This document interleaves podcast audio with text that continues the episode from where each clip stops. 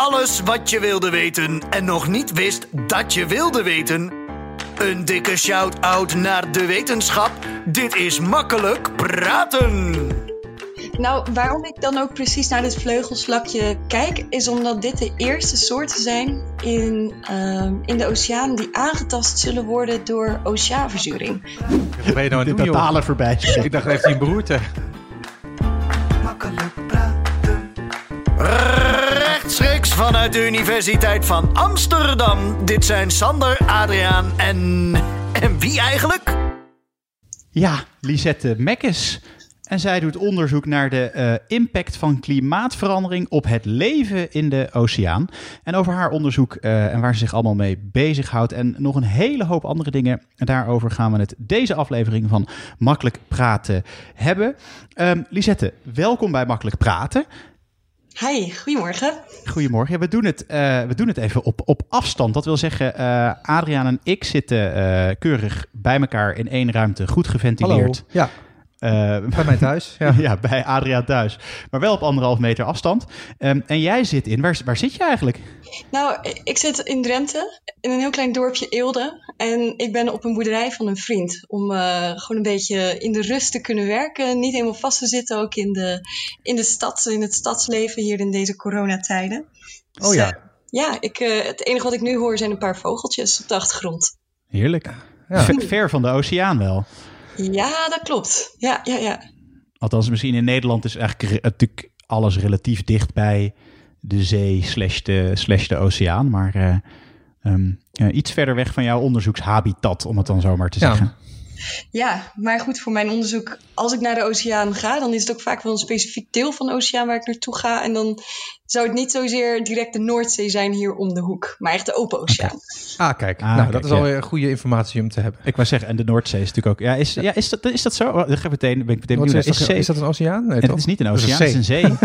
Nee, het is geen oceaan. Ik eh, Nee. kan je niet echt vertellen wat nou de defini- precieze definitie is van oceaan en zee, maar ik weet wel dat de Noordzee ongeveer een gemiddelde diepte heeft van 300 meter, terwijl de oceaan wel tot 4 kilometer diep kan zijn. Ah, oké. Dus dat is al een redelijk onderscheid. Daar hebben we al heel wat geleerd. Ja, Ja. Het, is- en het is dus niet zo dat het, ehm, omdat het een, eh, dat, dat het te dicht tussen twee, want Engeland en zo zit er natuurlijk ook bij, dat het, dat het tussen, het soort van tussen twee landen heel dicht bij elkaar is ingeklemd. Dat het de Ja. breedte is of zo, van of het een Ja. oceaan maakt of niet. Nou ja, het zorgt er natuurlijk wel misschien voor dat het daarom wat minder diep is. Ja, speculaties, geen idee.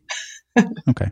Ehm, ja, daar gaan, we, daar gaan we het dus over hebben. Ehm, eh, en, en trouwens, nog even, even een tussenstapje. Welkom terug iedereen voor de Oh ja, luisteraar. Dat is Toch? ook waar. Bedoel, is, die eh, hebben er een tijdje uit geweest. enorm Ja. gemist in eh, corona. Dus wel, welkom, welkom terug. Wat we altijd doen, eh, Lisette, is ehm, vragen aan jou eh, om in begrijpelijke, normale, Jip en Janneke, eh, normale mensentaal uit te leggen ja, wat, eh, wat dat eigenlijk is. Onderzoek naar hoe klimaatverandering het leven in de oceaan beïnvloedt. Maar dat is misschien bijna wel best wel duidelijk misschien wel bij jou. Ik denk dat veel mensen daar wel een beeld bij hebben. Maar toch, wat, Ja. wat doe je dan in, in drie zinnen? Nou, oeh, dat is een uitdaging. Maar ehm, ja, jij brengt het heel erg breed, het, eh, de invloed van klimaatverandering op het leven van de oceaan. Maar ik ben eigenlijk veel specifieker bezig. Want eh, het gevolg van klimaatverandering is dat de oceanen beginnen te verzuren. Want door CO2 in de atmosfeer wordt dat vervolgens opgenomen door de oceanen. En dan zijn er allemaal chemische veranderingen in de oceanen, waardoor het steeds zuurder wordt. En dat heeft weer invloed op eh, plankton, wat schelpjes bouwt. Dus kalkvormende plankton.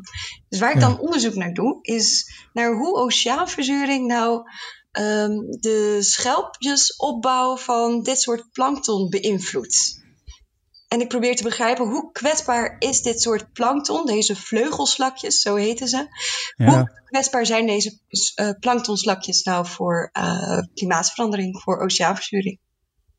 Oké. Dus dat, dat, is, dat is heel specifiek. En, en daar, daar gaan we, daar gaan we denk ik zo op komen. Daarvoor kan je misschien, eh, misschien ook wat eh, wat, wat, dat, kan je dat dan een soort van extrapoleren naar wat dat betekent in, in een soort van grote zin? Of kijk je echt eh, specifiek naar dat slakje? Dus kan je daarvoor wat meer zeggen over überhaupt de invloed van eh, klimaatverandering op oceaanleven? Nou, is waarom het- ik dan ook precies naar dit vleugelslakje kijk, is omdat dit de eerste soorten zijn in, ehm, in de oceaan die aangetast zullen worden door oceaanverzuring. Dus Ah, zodra oké. we meer weten over dit organisme, weten we ook, kunnen we een beter beeld eh, scheppen over wat we, ja, waar we naartoe gaan, wat, wat ons te wachten staat. Oké, ze zei, het is een beetje de kanarie in de kolenmijn, dit slakje. Precies. Oké, nou, nou, daar, gaan we, daar gaan we het zo direct uitgebreid over hebben. Ehm, maar we trappen af altijd met een paar willekeurige vragen. En die kunnen over van alles en nog wat gaan. Ehm het maakt eigenlijk, eh, het hoeft niet altijd eh, per se een hele eh, slimme vraag te zijn. Ehm, eh, maar het raakt een klein beetje aan, jou, aan jouw onderzoek. En het is altijd met een kwinkslag. En je hebt het geluk, want deze aflevering, zoals altijd, begint Adriaan. Oh, Bumper? Oh, ja, oh, wacht. Bumper ook, ja. Goed idee. Een vraag, een antwoord en hup de diepte in. Ja, eh, ik heb een vraag. De oceaan verzuurt dus. Eh, helpt het dan niet als we een glaasje melk in de oceaan gooien? oh, om het dan eh, wat Ja. minder zuur te maken. Bijvoorbeeld. Het is wel interessant dat je dit zegt, want er zijn ook mensen die zeggen van nou, wat nou als we een eh, bepaald chemisch goedje in de oceaan gaan gooien, wat het dan een stuk basischer maakt, zorgen we er dan niet gewoon voor dat die oceaan niet verzuurt? Ja, precies. Ehm, ja, dat is allemaal onderzoek wat nog allemaal gaande is. Het Oh. enige nadeel is nu op dit moment dat die CO2 in de atmosfeer, dat blijft natuurlijk toenemen. En zodra, zolang dat toeneemt, blijft het ook opgenomen worden door de oceanen. Dus dan moet je, als in ieder geval dat zou werken, dan moet je wel echt blijven strooien met dat chemische goedje. En met ongelooflijk veel van dat chemische goedje. Want zoals je weet, de oceanen zijn ontzettend groot.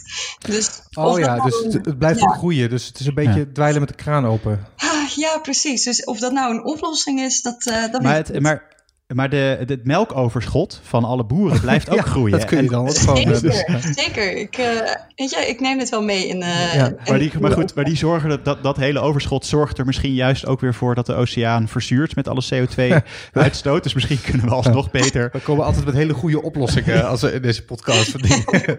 ja. Oké, nou dankjewel. Goed antwoord. Sander. Ja, eh, Lisette, als ik zout op een slak gooi, hè, dan gaat die dood. Hoe kan de vleugelslak dan in de oceaan leven? Want dat is natuurlijk hartstikke zout. Ja, dit is ook een vraag die me behoorlijk bezig heeft gehouden. Want ik snap het ook eigenlijk niet zo heel erg goed. Kijk, ik ben natuurlijk geen, ehm, ja, hoe noem je dat? Fysiologisch bioloog. Dat ik begrijp hoe alles in dat beestje, in het, in het, in het weefsel van dat beestje werkt en dergelijke. Maar ik weet wel dat deze eh, vleugelslakjes al ongelooflijk lang bestaan. Ehm, dus ze zijn aangepast aan het leven in, z- in zout water. Dus ik geloof dat, dat ze daar gewoon heel erg mooi aan gewend zijn geraakt. In tegenstelling Ja. tot slakjes die hier in de tuin leven. Oké, en wat zijn het wel? Want je zei het zijn planktonachtige, toch? Zijn het wel echt slakjes? Of is, Ja. het, is het zo'n naam dat, je het, dat ze het slak hebben genoemd, maar dat het eigenlijk, eigenlijk iets heel anders is? Nee, nee. ehm, ik wou dat ik, je, dat ik op dit moment bij je was. Dan kon ik je een foto laten zien. Maar het zijn hele kleine slakjes. En het leuke van deze slakjes is dat ze niet een normale, ja, hoe noem je dat, een voet hebben. Zoals een normale slak. Nou, een- Zo'n beetje zo'n slijmvoet waarmee ze zich voortbewegen. Ja. Maar ze heten vleugelslakjes omdat ze die voeten hebben gemodificeerd in twee vleugeltjes. En daarmee kunnen ze als het ware ja, een beetje fladderen, zwemmen door de, door de Ja. Maar hebben de slakken die wij kennen van hier op, op het land en deze vleugelslakjes dan dezelfde voorouder? Om het even... Nee, te ik- kaderen? ja, eh, misschien hè, als we echt helemaal teruggaan. Ja. Ik ben verder geen evolutionair bioloog. Nee, dat is waar. maar als we ja, dat weer teruggaan, dan eh, zijn ze in ieder geval wel met, aan elkaar verwant. Oké. Grappig zeg. Wel, eh, ook wel weer leuk. Ja. Ja, Sander, maar- jij had nog één vraag? Ja, ja, ik, ja het is, is, ik, ik, zit, ik vraag me eigenlijk af, hè, als de, eh, is de oceaan niet eigenlijk gewoon de grote winnaar van klimaatverandering? Want er komt natuurlijk gewoon veel meer water bij. Ah, ik denk dat het juist de grote loser is van klimaatverandering. Ja? Want zonder die, ten eerste, zonder die oceanen zou de atmosfeer nu nog voller zijn met eh, CO2. Omdat in ieder geval minstens 30% van al die CO2 in de atmosfeer wordt opgenomen door de oceanen. Dus de oceanen werken als een soort van buffersysteem voor het, uh, voor het klimaat ook. Dus, Ja. uh, maar zo'n buffersysteem die heeft ook op een gegeven moment een kantelpunt. En dat kantelpunt begint wel steeds meer bereikt te worden. Niet alleen Ja. maar door verzuring, maar ook door opwarming. En inderdaad ook door de, het smelten van de waterkappen. Ja. Wat ook weer vervolgens ervoor zorgt dat het water steeds minder zout wordt en dergelijke. Wat als zoet water, denk ik, wat er op die kappen zit, toch? Klopt. Maar maakt dat, is, is dat zoveel dat dat ook invloed heeft? Of is dat eigenlijk met de snelheid waarmee het gaat verwaarloosbaar? eh, eh, dat, dat, weet je, dat het uiteindelijk vrij snel brak wordt en dan weer zout, zeg maar. Heeft dat nog invloed dat het een ander type water is? Oh ja, dat is, dat is iets voor een eh, oceanograaf, zo'n vraag. Ik weet wel dat het, het verzoeten van het water van de oceaan niet ook heel erg prettig is voor het leven in de oceaan. Maar hoe snel dat gaat, wat het allemaal betekent, dat, eh nee, Ja, dat dat natuurlijk ook, zijn ook extreem complexe processen natuurlijk, die vloeistofprocessen die daar, Oh. zich daar plaatsvinden op gigantisch grote schaal. Ja. Mhm. Heb, Ja. jij een, ehm, heb, je, heb jij een specifieke onderzoeksvraag? Ja, ehm, tijdens mijn. want is ik die? doe nu een, mijn promotieonderzoek van in totaal vier jaar. Ik zit uh, nou in mijn laatste jaar al. En ik probeer in deze tijd te uh, onderzoeken van hoe kwetsbaar zijn vleugelslakken nou eigenlijk voor oceaanverzuring? Dat- Oké, ja, dat is een vrij open vraag natuurlijk. Dus dat kun je op Mhm. andere- allerlei manieren onderzoeken. Ja, Ja. klopt. Dat, En je uh, hebt het over vleugelslakken. Waarom vleugelslakken? Waarom, zijn, waarom is specifiek de vleugelslak eh, de eerste die last krijgt van die verandering? Dat is natuurlijk bekend. dat maar- heeft weer te maken met waarmee ze hun schelpjes bouwen. En hoe Ja. dun deze zijn. Want ik heb nog niet verteld, maar deze schelp, deze vleugelslakjes, die zijn ongeveer 1 mm groot. Dus je kan ze misschien net zien met het blote oog. Sommige zijn Ja. ook wel wat groter, die kan je makkelijk zien. Maar de meeste die zijn echt heel klein. En ze bouwen hun schelpjes van aragoniet. En dat is een vorm van calciumcarbonaat. Dus waarmee ze hun eh, schelp opbouwen. En dat is de meest kwetsbare vorm van calciumcarbonaat. Het is de meest oplosbare vorm. Dus zodra er Ja. een klein beetje verzuring is in het water, is aragoniet het eerste wat minder beschikbaar is voor het opbouwen van de schelpjes van vleugelslakken. Oh ja, en dan, is het, dus- dan ben je dus eigenlijk eh, een beetje aan het pulken aan de, aan de fundamenten van het leven van die slak eigenlijk. Want die kan dan gewoon eigenlijk zijn eh, zijn schelpje niet meer bouwen. Ja, klopt. Maar dan kan ik me voorstellen dat eh, die slakjes mee evolueren. En dan op een andere manier leren om die schelpjes aan te maken. Of, of ik kan me ook voorstellen dat de opwarming juist te snel gaat. En dat de evolutie dan te langzaam is. Maar is dat niet toch een, een, een scenario? Het zou een scenario kunnen zijn. Ehm, we weten er nog heel weinig van. En tot nu toe lijkt het erop dat ze toch best wel heel erg kwetsbaar zijn. Want als die bouwblokjes, die uh, nou niet aanwezig zijn, dan kunnen ze immers niet die schelp zo optimaal mogelijk maken. Dus zelfs als ze zich weten aan te passen aan steeds zuurder worden, wordend ja. water, denk ik wel dat ze het wel echt zwaar zullen krijgen. Helemaal ja. als we kijken naar waar we, wat we tegemoet gaan in, uh, nou ja, binnen nu en een paar uh, tientallen ja. jaren al. Ja, oké. Okay. Oh, dat is echt snel inderdaad. En uh, hoe onderzoek jij dan zoiets? Want je gaat dan naar zo'n plek toe waar veel van die vleugelslakjes zitten. En dan uh, moet ik ervoor stellen dat je, dat je er gewoon een badge uitvist en kijkt hoe het met ze gaat ten, op, ten opzichte van andere plekken? Of, of hoe, uh, hoe, ja. hoe voer je onderzoek in zoiets? Ja, nou ja, dat is nog best wel heel erg uh, complex. En je denkt van, nou, zulke kleine slakjes, ja, ja dat uh, doe je wel even. Maar dit, er zit zoveel werk vooraf om dat te gaan doen. Want ze zijn ontzettend kwetsbaar. Dus de enige manier waarop je ze kan vangen is met een speciaal net en met speciale apparatuur, zodat je wel gehele ook vindt. Maar als je vervolgens ook experimenten zou willen uitvoeren, dan moet je dat ook heel goed voorbereid doen. Want zolang ze niet helemaal, zoals we zeggen, blij zijn in, ja. in bijvoorbeeld potten waar je ze instopt, dan gaan ze gelijk dood. En dat wil je niet, oh, want je ja. moet wel kijken naar hoe doen ze het in, uh, als, als ze nog blij zijn ook. Dus ja. um, er zit ontzettend veel voorbereiding aan vooraf. Je moet een enorm groot schip voorbereiden. Je gaat naar de oceaan toe. Je hebt geen idee of ze er zitten, hoeveel er zitten, waar ze precies zitten, wat je gaat vinden. Want er is nog niet echt alles bekend over deze beestjes. Dus je gooit een net uit midden in de nacht. Want dan komen ze vaak een beetje meer naar de ja. En dan ja, is het een soort van uh, vraag wat je gaat vinden. Uh, je hebt wel een beetje een idee van welke soorten waar zitten, of er heel veel zitten of niet. Maar het blijft altijd de vraag wat je gaat vangen. En je gooit het net eigenlijk blind het water in, je hijst het weer op. En dan is het een verrassing wat er nou precies in zit en hoeveel. En wat voor, wat ben ik heel benieuwd, wat voor net is dat? Want ik heb zo'n soort van cartooneske uh, gevoel van een, van, een, van, een, van, een, van een roestende vissersboot. En net maar wat, wat, wat het moet iets, het, is, het zijn 1 millimeter. Ja. Dus het is, ja, wat, dus... wat, is dat voor spul dan? Dat je het kan vangen. En ook nog op een manier, want de zee is best wel wild. En je zegt dat ze heel kwetsbaar zijn. Dus hoe, hoe werkt dat? Want je hebt golfbewegingen, je hebt de net. Ze zijn super kwetsbaar. Hoe krijg je dat dan? Het, het klinkt zo, um, ja, moet ik zeggen, zo lomp terwijl ze zo kwetsbaar en zo klein zijn. Snap je wat ik bedoel? Ja, ik, ik snap helemaal wat je bedoelt. En daarom werk je ook altijd samen met wel een team van ongeveer zes mensen in totaal op zo'n schip om, om dit uh, te bewerkstelligen. Dus je gooit een net uit en een net die, heeft, die is fijnmazig. Dus echt mazen van ongeveer een derde van een millimeter uh, groot. Dan hebben we het echt over een net die ontzettend fijn is. En dat net... Kan je dat ergens mee vergelijken? Is dat, is dat bijvoorbeeld, is dat bijvoorbeeld een, een, een panty? Oké, okay, ja. Panty ja. of een theezakje zat ik aan te denken. Ja, ja. Precies. En met die panty van een paar meter groot, want hij gaat natuurlijk heel diep de zee in. Dus het moet wel een heel stevig net ook zijn. Uh, hij gaat ongeveer 100 meter tot 300 meter diep. En um, aan het einde van zo'n net, zo'n panty-net, zit een, um, ja, we noemen dat een cod end. Even denken hoe ik dat kan beschrijven. Een container. Er zit een container ja. bevestigd waar al het plankton dan in wordt opgevangen dat je vangt met dat, uh, met dat pantynet. En dat haal je dan omhoog. En je gaat inderdaad door stromingen heen, uh, soms door ontzettend barre weersomstandigheden. Maar het wordt opgetakeld ook nog met zo'n, uh, ja, hoe heet dat? Het is gewoon in, in ieder geval zo'n groot takelding wat weer bestuurd ja. wordt door echt die dekmannen, die matrozen. En je moet het dan inhalen, hoe erg de weersomstandigheden ook zijn. Je moet ervoor zorgen dat dat net natuurlijk niet gaat wapperen ook als het eenmaal weer boven water ja. komt. Dus ja, je bent met z'n allen bezig om die, uh, om die schelpjes en, het, en de rest van het plankton veilig aan boord te krijgen.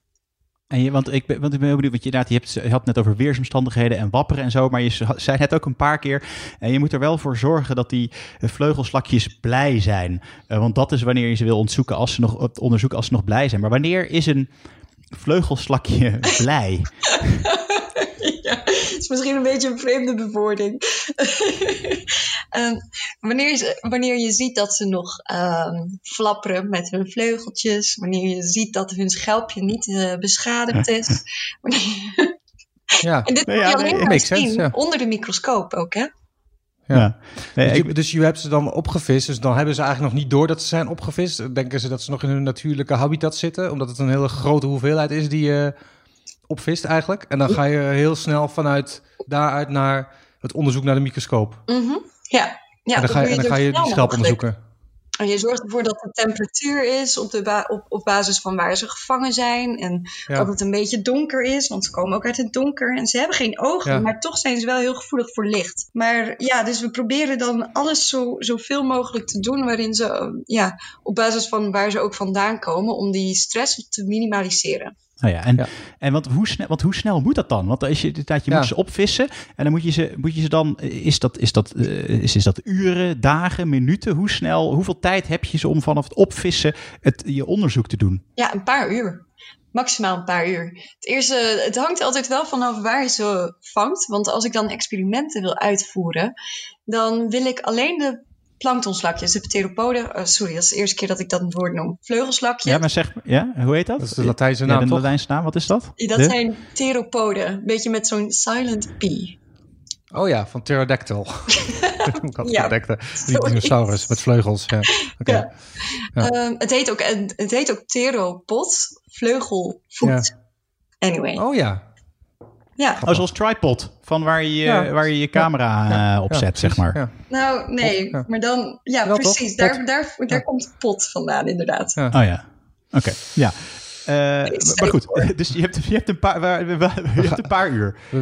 Ja, ik heb een paar uur eh, om ervoor te zorgen dat ik alle vleugelslakjes heb eh, gesorteerd uit zo'n enorm planktonsample. Waar niet alleen maar vleugelslakjes zitten, maar van alles. Van alles wat je vangt, komt in dat net. Dus alle soorten plankton, die komt daar dus ook in. Dus bijvoorbeeld ook plankton, mm, iedereen kent SpongeBob. Dat zijn Ja.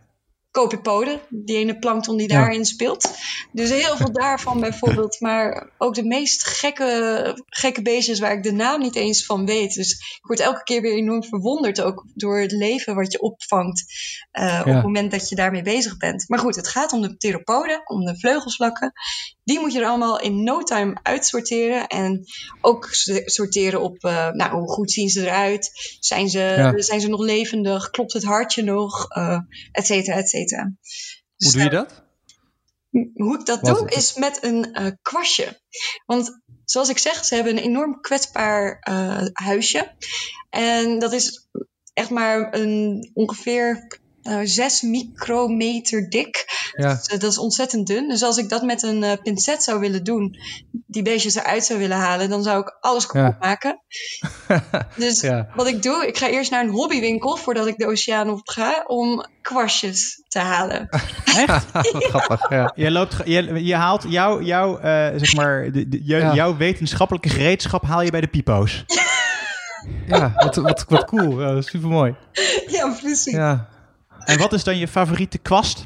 Welke dikte en eh, hoe heet dat? dat stel, Nou, stel niet, ik wil... eh, Van, van Gogh. en dan de dikte gewoon... Nou, ik, ik, ik weet niet precies. Volgens mij is dat iets van twee of zo. Dat is in ieder geval een van de dunste kwastjes die er is. Oh, de- oh ja, ik ben, ik ben er echt benieuwd naar. ja. Als, je ooit, als je ooit vleugelslakken of plankton zou willen sorteren, Ja. moet je dus de Van Gogh dikte 2 kwast hebben. Ja. Dat is toevallig, want deze vraag stond al in het draaiboek. dus hebben we, fijn dat we dit alvast behandeld hebben. Ehm, maar je zei ook van je sorteert ook of ze nog een hartslagje hebben. Maar hoe, hoe doe je dat dan? Want eh, dan, moet, dan moet je ze toch al onder een microscoop doorhalen, lijkt me. Of, Oh ja, ja zeker. Dus ehm, ik, ik neem een sample van de plankton sample. En dat leg Ja. ik in een Petri-schaaltje onder de microscoop. ja? En vanuit daar kan ik dan met mijn kwastje die, vleugelslakjes uit het... eh, ik zit het ook al voor te doen met mijn handen, maar je ziet het natuurlijk allemaal. Ja, nou, ik, grappig, want ik was een beetje met je aan het meedoen met mijn handen. ik, zat, ik zat echt in zo'n Petri-schaaltje, inderdaad gewoon hele kleine dingetjes eh, aan het onderscheiden met dus een kwastje. Ja. kijkt continu door die microscoop en dan tegelijkertijd ben je aan het eh, kijken, nou, waar zitten die vleugelslakjes? Eh, die, zet je, die, die duw je eigenlijk als het ware een beetje zo aan de kant. En die ga je later weer sorteren op van, nou, eh, zien ze er mooi uit? Eh, welke is goed voor Ja. een experiment, welke niet? Et cetera. En wat, oké, en dan heb je ze, Wat- wat heb je ze uitgezocht, hè? Ja, En dan die, degene die, die, ges- die geschikt eh, lijken, of die er nog, die hebben een mooie hartslag, die zien er nog gezond uit, die hebben er helemaal zin in in dat experiment. En wat, wat doe je dan? Wat voor experimenten voer je dan op ze uit? ik ga ze dan blootstellen aan verschillende oceaancondities. Die dan weer vergelijkbaar zijn met het verleden, het heden Mhm. en de toekomst. Dus over een tijdschaal van vroeger tot aan de toekomst willen we graag weten hoe eh, bouwden ze nou hun schelpjes op in dat soort verschillende condities. En het zijn natuurlijk wel hele korte experimenten. Dus het geeft niet eh, perfect uitsluitsel van hoe, wat, wat ze echt gaan doen in de toekomst. Maar het geeft ons wel een heel goed idee. Van wat, waar gaan ze nou, eh, wat, wat doen die verschillende condities nou met hun schelpopbouw? Oké, en dan dus, dan, dus dan weet je van, oké, zo, dit gebeurde er in het verleden, dit is, dit is nu. En eh, als we, we gaan ervan uit dat de, dat de oceaan deze kant op verandert, dus daar stel je ze ook, eh, ook aan bloot. En dan, eh, dan kan je daar wat, wat over zeggen. Ja. Ehm, eh, dat betekent dat ze. Wat, wat- kan je daar dan over zeggen? Nou ja, wat ik, het, nou, het is best wel, het is echt heel jammer dat ik niet dingetjes kan laten zien, want mijn onderzoek is ook eigenlijk heel visueel. Wat ik Ja. dan, hoe ik dan die calcificatie, zo noemen we dat, die schelpopbouw meet, is aan de hand van een eh, fluoriserende marker. Want voordat ik die beestjes in de experimenten stop en blootstel aan verschillende condities, worden ze gestopt in een uh, calceinebadje. En calceïne, dat is een fluorescente marker die opgenomen wordt op in, door de schelp. En op het moment dat hij de schelp opbouwt in de experimenten, zal je zien dat die uh, fluorescente marker ook meegaat met die uh, opbouw. Dus het geeft een hele goede indicatie van hoeveel hebben ze nou gegroeid in die verschillende condities. En dat kan ik dan zien aan de hand van die fluorescentiefoto's die ik dan achteraf maak van deze schelpjes. Oké, en dan en wat, wat, wat dat. Oké, ik snap dat je dat dan kan zien en kan meten. Maar wat zegt dat dan? Wat, wat betekent dat? Ja, dat is inderdaad wel een uitdaging om dat goed te interpreteren. Want wat betekent het nou als, uh, als ze dus minder, minder veel zijn gegroeid? Uh, betekent dat dat ze dan inderdaad worden beperkt in hun schelpopbouw? Of is het dat ze eigenlijk nog wel prima doen en hun energie dan liever stoppen in iets anders om bijvoorbeeld nog steeds wel goed te kunnen functioneren, zeg maar fysiek? Het, uh, ja, het, het, het mooiste in ieder geval is dat we kunnen zeggen aan de hand van die classificatiemetingen van nou ja, dit is hoe ze het zullen gaan doen in de toekomst waarschijnlijk. En um, ze zullen waarschijnlijk minder schelp opbouwen en dat heeft implicaties, bla bla bla.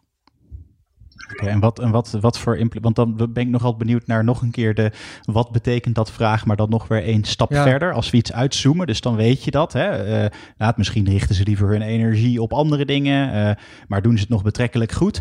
Maar wat zegt dat dan over, uh, over het bredere oceaanleven? Of, of is die vraag er niet? Want je zegt van ja, het zijn eigenlijk de, je begon met, we begonnen met, het zijn eigenlijk een beetje de kanaries in de kolenmijn van de verzuring van de oceaan. Um, uh, maar als deze kanaries uh, omvallen, wat ze, vanaf een bepaald moment, wat, wat zegt dat dan over het oceaanleven? Ja, precies. Nou, deze vleugelslakken die hebben bepaalde hele belangrijke functies ook in de oceaan. Het is niet alleen maar dat ze een kanarie zijn in de kolenmijn en daardoor voor ons heel erg interessant zijn om te onderzoeken, om meer te weten over oceaanverzuring en het, het effect op het leven van de oceaan. Maar ook ze zijn heel erg belangrijk als een uh, keten in de voedselketen. Ze zijn groter plankton dan het allerkleinste algenplankton. Dus zij eten plankton, maar vervolgens worden zij weer gegeten door um, vogels, uh, vissen, uh, groter plankton, zelfs walvissen in de, in de Zuidpool en de Noordpool. Dus als deze schakel wegvalt, zal het wel een groot probleem zijn voor die voedselketen. Want dan missen heel veel organismen hun voedselbron.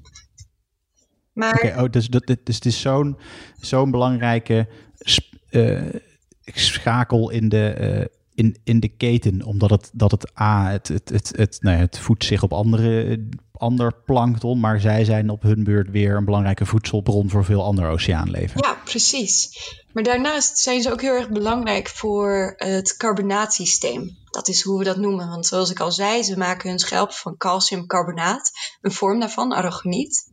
En zij zorgen ervoor dat zodra zij dat opbouwen aan de oppervlakte van de oceaan, en dan gaan ze vervolgens dood en zakken ze dieper de zeelagen in.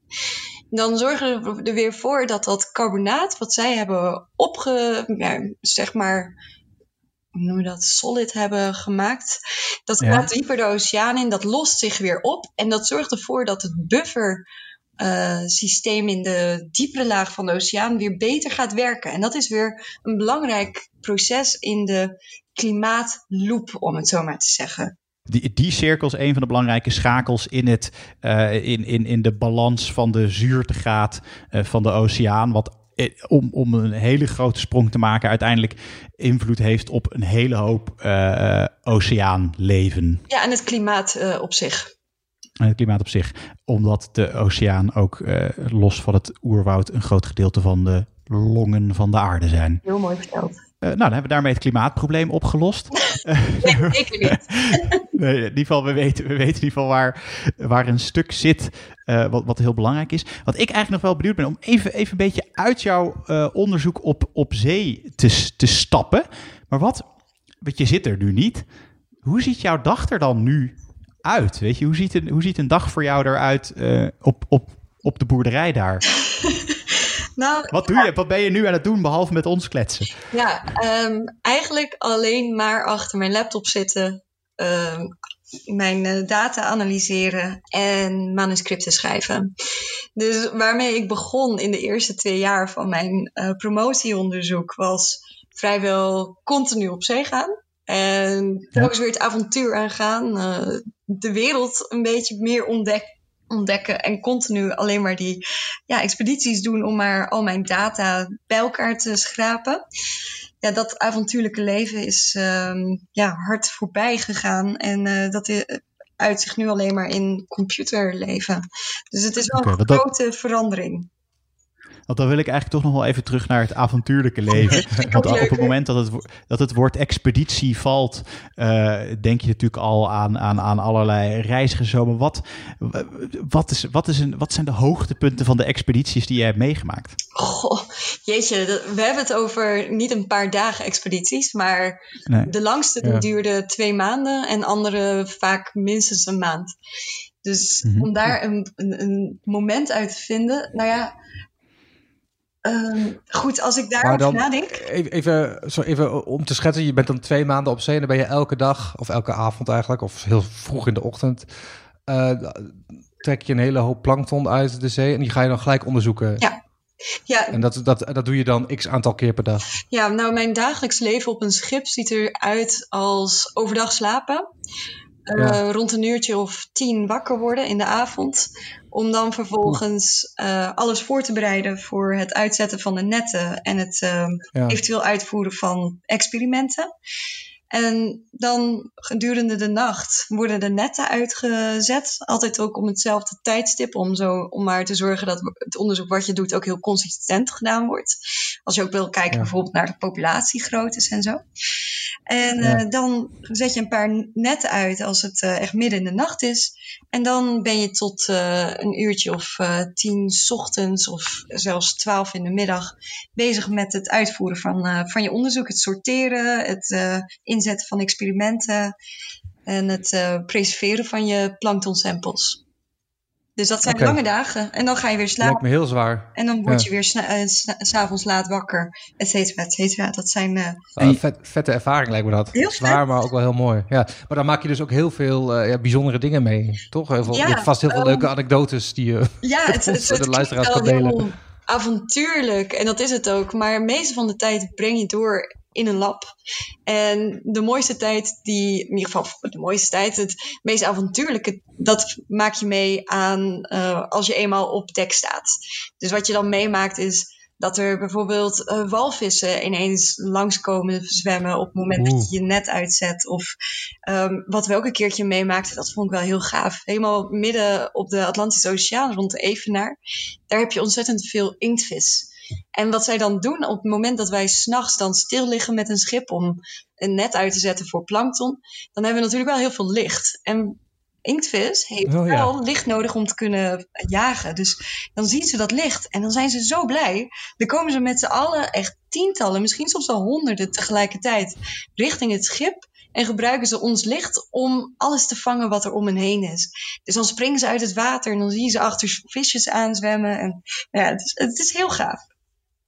Cool. Hoe, groot, wat, wat, hoe groot zijn die inktvissen dan? Wat, wat is, Oh, ja, een beetje zijn een beeld te inktvissen krijgen? van niet meer dan 50 centimeter hoor. Het zijn geen reuze Oh ja. inktvissen of zo. Oh ja. Maar, die, maar ja, als het er 100 zijn, is het best wel, best wel indrukwekkend. Ja, Ja. zeker. Ja. En het ik- is, één keertje was ik wel eh, bezig met experimenten op, eh, op het dek. En het was inmiddels tien uur 's ochtends. Ik, ja, mijn, mijn werkdag was bijna voorbij. Ik was immers de vorige dag alweer begonnen si- sinds tien uur 's avonds. Dus dat zijn pittige dagen die je maakt.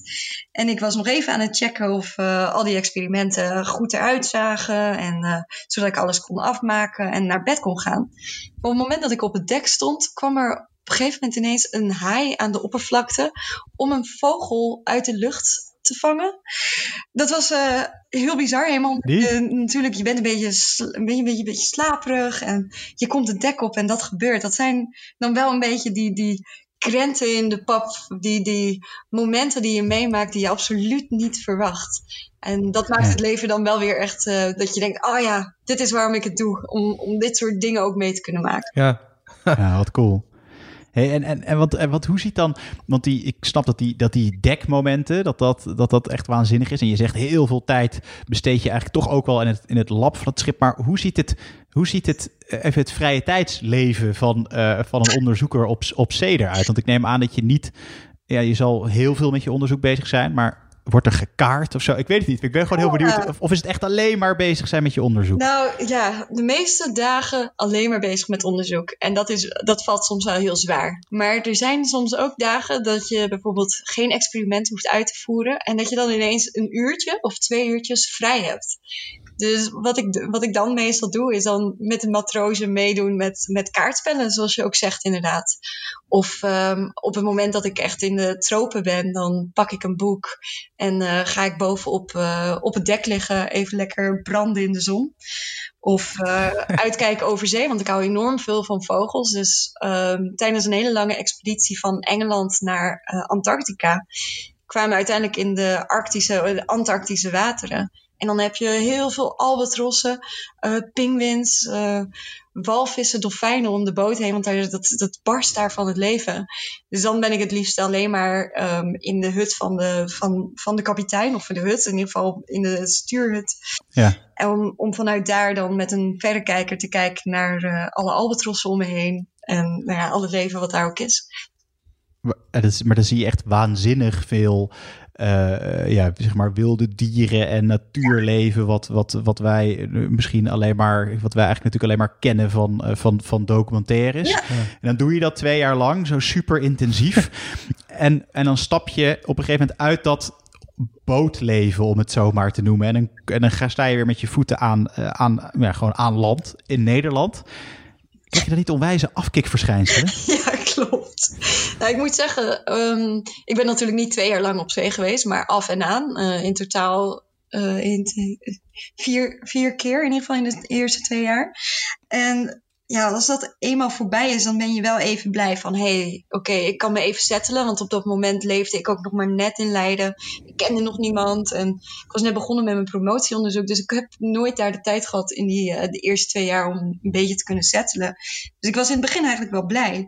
Maar na een paar maanden gaat het wel enorm kriebelen weer. Van ja, wanneer kan ik nou weer de zee op?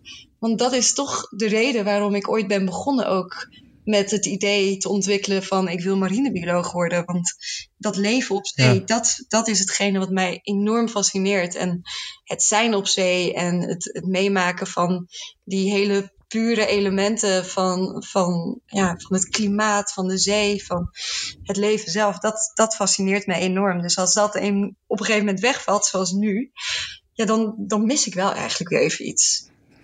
Ja, want je zegt, ik dat je dat was de reden voor mij om, om uh, marine-ecoloog te worden. Is, is, is, uh, is, is dat ook iets wat je eigenlijk vanaf kind af aan dan al uh, had? Dat je, die, dat je zoiets had van ik wil, het maakt me niet uit wat ik ga doen met mijn leven als ik maar op zee terechtkom?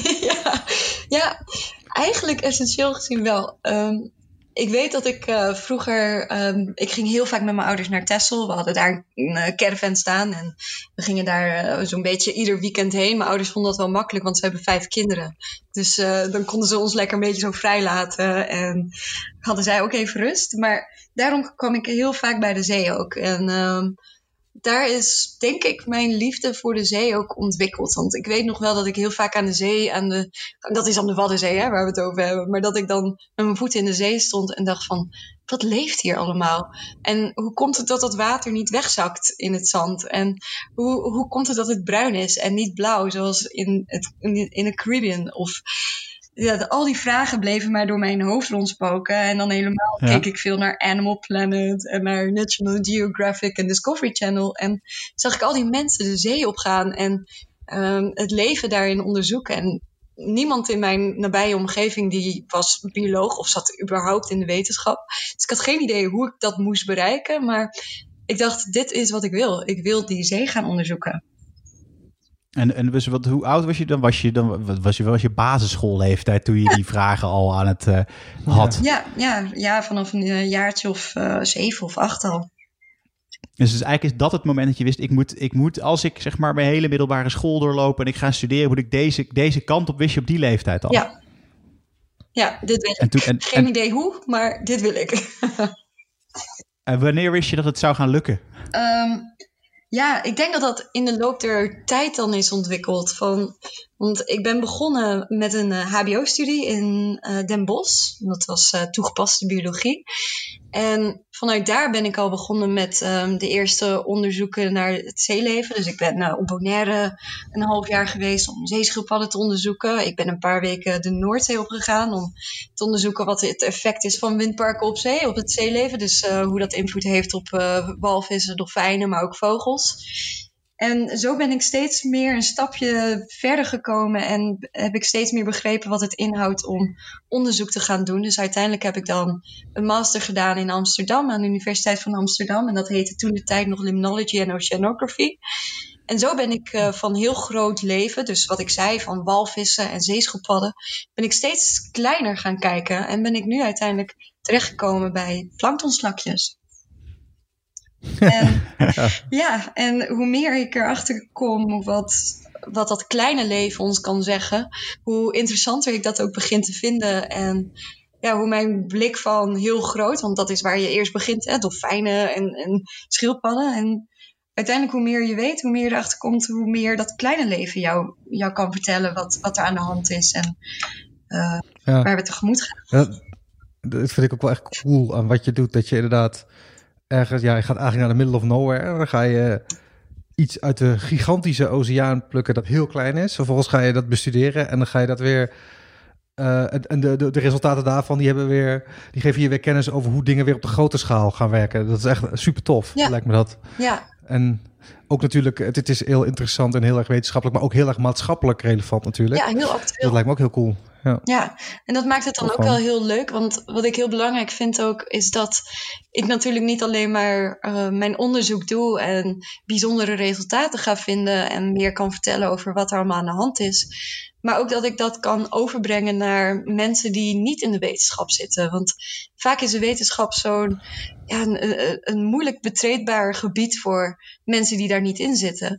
Maar omdat ik bezig ben met beestjes die al ontzettend mooi eruit zien en heel bijzonder zijn.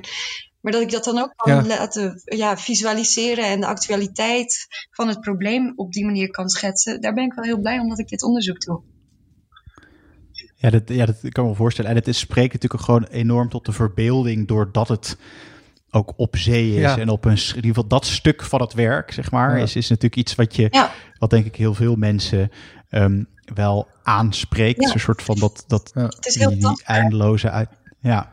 En nu in Drenthe in de Excel-sheets natuurlijk ook. nou ja, het, het zal, het, voor de meeste mensen zal het natuurlijk overkomen van jeetje wat saai. Je bent uh, soms wel 80 uur per week uh, alleen maar achter de computer bezig. Maar ja. wat voor mij heel erg leuk is op dit moment is dat de stapjes zijn soms heel klein en de, de, de, uitdagingen heel groot met alles waar ik mee bezig ben. Maar als ik uiteindelijk tot nieuwe inzichten kom en alles wat ik op zee heb gedaan komt samen in, zoals nou ja, ja. bij wijze van spreken, in die Excel-sheet. Dat, dat, geeft wel ja. ontzettend veel motivatie om nog meer te begrijpen en nog meer vragen te gaan beantwoorden. Ja, want, want nog, zeg, nog meer vragen te gaan beantwoorden. Want straks is je onderzoek klaar. Wat wil, je, wat wil je daarna gaan doen? Ja, ik wil wel in de wetenschap het liefste blijven. Het is behoorlijk uh, uitdagend. Omdat je, ja, het is niet zo dat je ineens een vaste baan krijgt. En uh, ja, je bent gezetteld en je bent voor altijd onderzoeker. Nee, het is wel een, een, een ja, continue zoektocht naar waar ligt geld? Hoe kan ik het zo krijgen dat ik in ieder geval weer een paar jaar uh, mijn onderzoek kan uitvoeren? Dus, en vind je dat oprecht een, een, leuk onderdeel daarvan? Dat vind ik wel grappig. Ik is voor, voor, voor gevoel voor een van de weinigen die dat ook zegt. Dat als een uitdaging ziet en niet als een. Dus, dus als een soort van positieve uitdaging en niet als een soort van nuisance die je moet overkomen om ja. tot onderzoek te komen. Ja, kijk, het liefst ja. zou ik ook wel. Um, gelijk willen weten van waar kom ik terecht, wat ga ik doen. Maar het zit ook wel een beetje in mijn aard dat ik niet heel erg veel van routine hou. En wel hou van um, nieuwe kansen, uh, nieuwe, nieuwe uitdagingen, nieuwe onderzoeken aangaan, nieuwe mensen ontmoeten, op andere plekken mijn onderzoek uit kunnen voeren. Dus voor mij biedt het ook wel juist die mogelijkheid om niet in dat routineleven te verzeilen. Maar goed, ik, ik klink nou natuurlijk heel erg positief. Maar als ik nou eenmaal daarin zit en het lukt mij niet om het geld bij elkaar te vinden om verder te gaan in het onderzoek, zal ik natuurlijk best wel een beetje in zak en as komen. Maar ik denk dat een positieve attitude wel een beetje mee zal helpen om, uh, om, om, om, dit, om dit uh, ja, te kunnen blijven volhouden. Want ja, daarom ben je ook in de wetenschap. Dat is niet omdat je een villa later wil gaan bouwen en uh, drie auto's bij de deur wil hebben. Dat is omdat je je passie navoelt. Ja, tuurlijk. En Ja. dat dat inhoudt dat dat enorm veel uitdagingen met zich meebrengt. Ja, dat is waar je voor kiest. En dat is helaas wel het deel ervan. Maar ondertussen krijg je er ook wel heel veel mooie dingen voor terug. Ja, dat begrijp ik. Wat is het, waar ben je het meest trots op tot nu toe? Um, Oeh. Ja, ik vind dat wel een moeilijke vraag. Um, ik ben niet zo, zozeer trots als dat ik voornamelijk een beetje dankbaar ben voor alles wat ik meemaak. En alles wat ik, ja. wat ik ja, met de mensen met wie ik samenwerk. En, dus ik weet niet of ik zozeer trots ben als. Misschien ben ik trots omdat ik, toen wat ik net zei, op mijn zevende wist ik niet hoe ik ooit marinebioloog kon worden, maar dat was mijn doel. En dat het uiteindelijk wel gelukt is. Daar ben ik wel trots op. Oké, okay, dus, ja. dus dat, dat, je, dat het uiteindelijk wat je wilde, uh, maar vooral uh, dankbaar nu. Ja. Oké, okay, nou dat is een um, mooi bruggetje naar het, naar, naar, naar het laatste onderdeel eigenlijk alweer. Want we zijn ook alweer bijna een uur aan het opnemen. Uh, ja, we sluiten altijd af uh, met iets waar jij de wetenschap al zich dankbaar voor bent. Uh, heb jij een bumper? Uh, ik heb een bumper klaarstaan. Uh, Kom maar de bumper er even in. Thanks, wetenschap.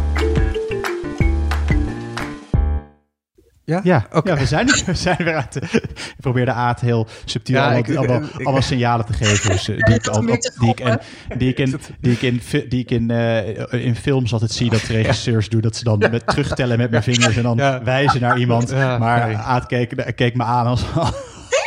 ik dacht, ben je nou de doen, totale voorbij. Ik dacht, heeft hij een beroerte? ja. Oké. Okay. Maar uh, uh, ik er zo direct uit, maakt niet uit. Die zorgen ervoor dat... Uh, um, ja, want Lisette, waar ben je inderdaad de, de wetenschap in zijn algemeenheid dankbaar voor? Is er, is er iets waarvan je denkt, ah yes, dat is echt te gek dat de wetenschap dat nou mogelijk heeft gemaakt. Ja, en het hoeft niet met je werk te maken te hebben, maar uh, nee. kan ook met andere dingen te maken hebben. Mm. Kijk, zoals Sander bijvoorbeeld heel erg dankbaar voor de wetenschap dat er een uh, oplosbaar vliesje om vaatwastabletten heen zit, zodat hij makkelijker het tabletje in de vaatwasser kan doen. Zonder dat mijn uh, handen gaan ja, ruiken naar, naar vaatwas. Ja, het is echt, echt zo. Ja. ja. je kunt lachen. Maar, dus heb jij ook zoiets waarvan je denkt, nou ja, de we, hebben het altijd over wetenschap, is altijd belangrijk. Maar je, je, hebt soms ook niet eens door wat de wetenschap allemaal heeft gebracht. En hier ben ik heel dankbaar voor. Heb je daar een voorbeeld van? Oh, ik, ik vind het echt wel heel moeilijk. Want we leven natuurlijk in een wereld waarin heel veel dingen te maken hebben met wetenschap. Zoals ja, tuurlijk. Het, het is... Of überhaupt dit gesprek ja. kunnen um, ja. ja het, het klinkt misschien een beetje afgezaagd, maar ik ben gewoon wel heel erg blij met um, het medium van internet. Niet zozeer dat het uh, die globalisatie zo enorm heeft, uh, heeft veroorzaakt, maar ook gewoon voornamelijk dat we in contact kunnen blijven met familie. En familie is voor mij ontzettend belangrijk. En ik reis heel veel. Ik uh, ben vaak niet thuis. Ik ben op heel veel verschillende plekken geweest. En dan die baken van je familie die je dan toch achter je blijft houden, omdat je die mogelijkheid hebt om met elkaar te blijven communiceren via dat medium. Dat is voor mij best wel een beetje die, die, uh, ja, die continue ja. batterij die het blijft opladen om door te kunnen gaan. Ik kan me oh, wel voorstellen dat je vaak ver van huis bent. Want is er een beetje een goede glasvezelverbinding op de Atlantische ja. Oceaan? Mm, hangt er vanaf welke richting je vaart soms. je bent echt, je bent echt afhankelijk van die satellieten natuurlijk. Dus als, ja. als jij net een uh, verkeerde kant op vaart, dan waar die satelliet zeg maar richting die, die ja, dan, dan wordt het lastig om uh, verbinding te houden. Uh, maar over het algemeen kan je, kan je vaak wel nog eventjes een mailtje sturen. Kijk, je kan niet echt met elkaar bellen vaak, maar in ieder geval even een mailtje sturen of even een spraakberichtje sturen. Oh ja, oh, dat is leuk. Nou ja, je kan natuurlijk tegenwoordig best wel vaak voice messages inderdaad die ja. je dan stuurt. Dat je het niet live doet, maar meer een beetje walkie-talkie stijl. Eh. Maar het is wel heel veel. Maar ik vind dat iemands stemgeluid is al zoveel herkenbaarder dan een tekst. Er zit zoveel meer persoonlijkheid in. Dat is echt zoveel complexer. Dat is altijd. Vind ik echt altijd veel bijzonderder dan een berichtje in tekst natuurlijk. Dus ik snap dat wel dat Ja. je dat dan doet. Dat, is- dat is misschien ook wel een, eh, ook een hele mooie samenkomst eigenlijk van, van technieken en wetenschap. Natuurlijk zo'n eh, zo'n voice message. Laten we het daarbij houden. Telecommunicatie en eh, in het bijzonder voice messages. ja. Maar ik ben wel benieuwd daarna. Want Lisette, zou je het, zou je het stel je zou in de jaren 70 dit, eh, dit zijn gaan doen, dat het allemaal niet kwam, zou je dat, zou je dat, een- ja, dan weet je natuurlijk niet beter, maar zou het je ervan weerhouden?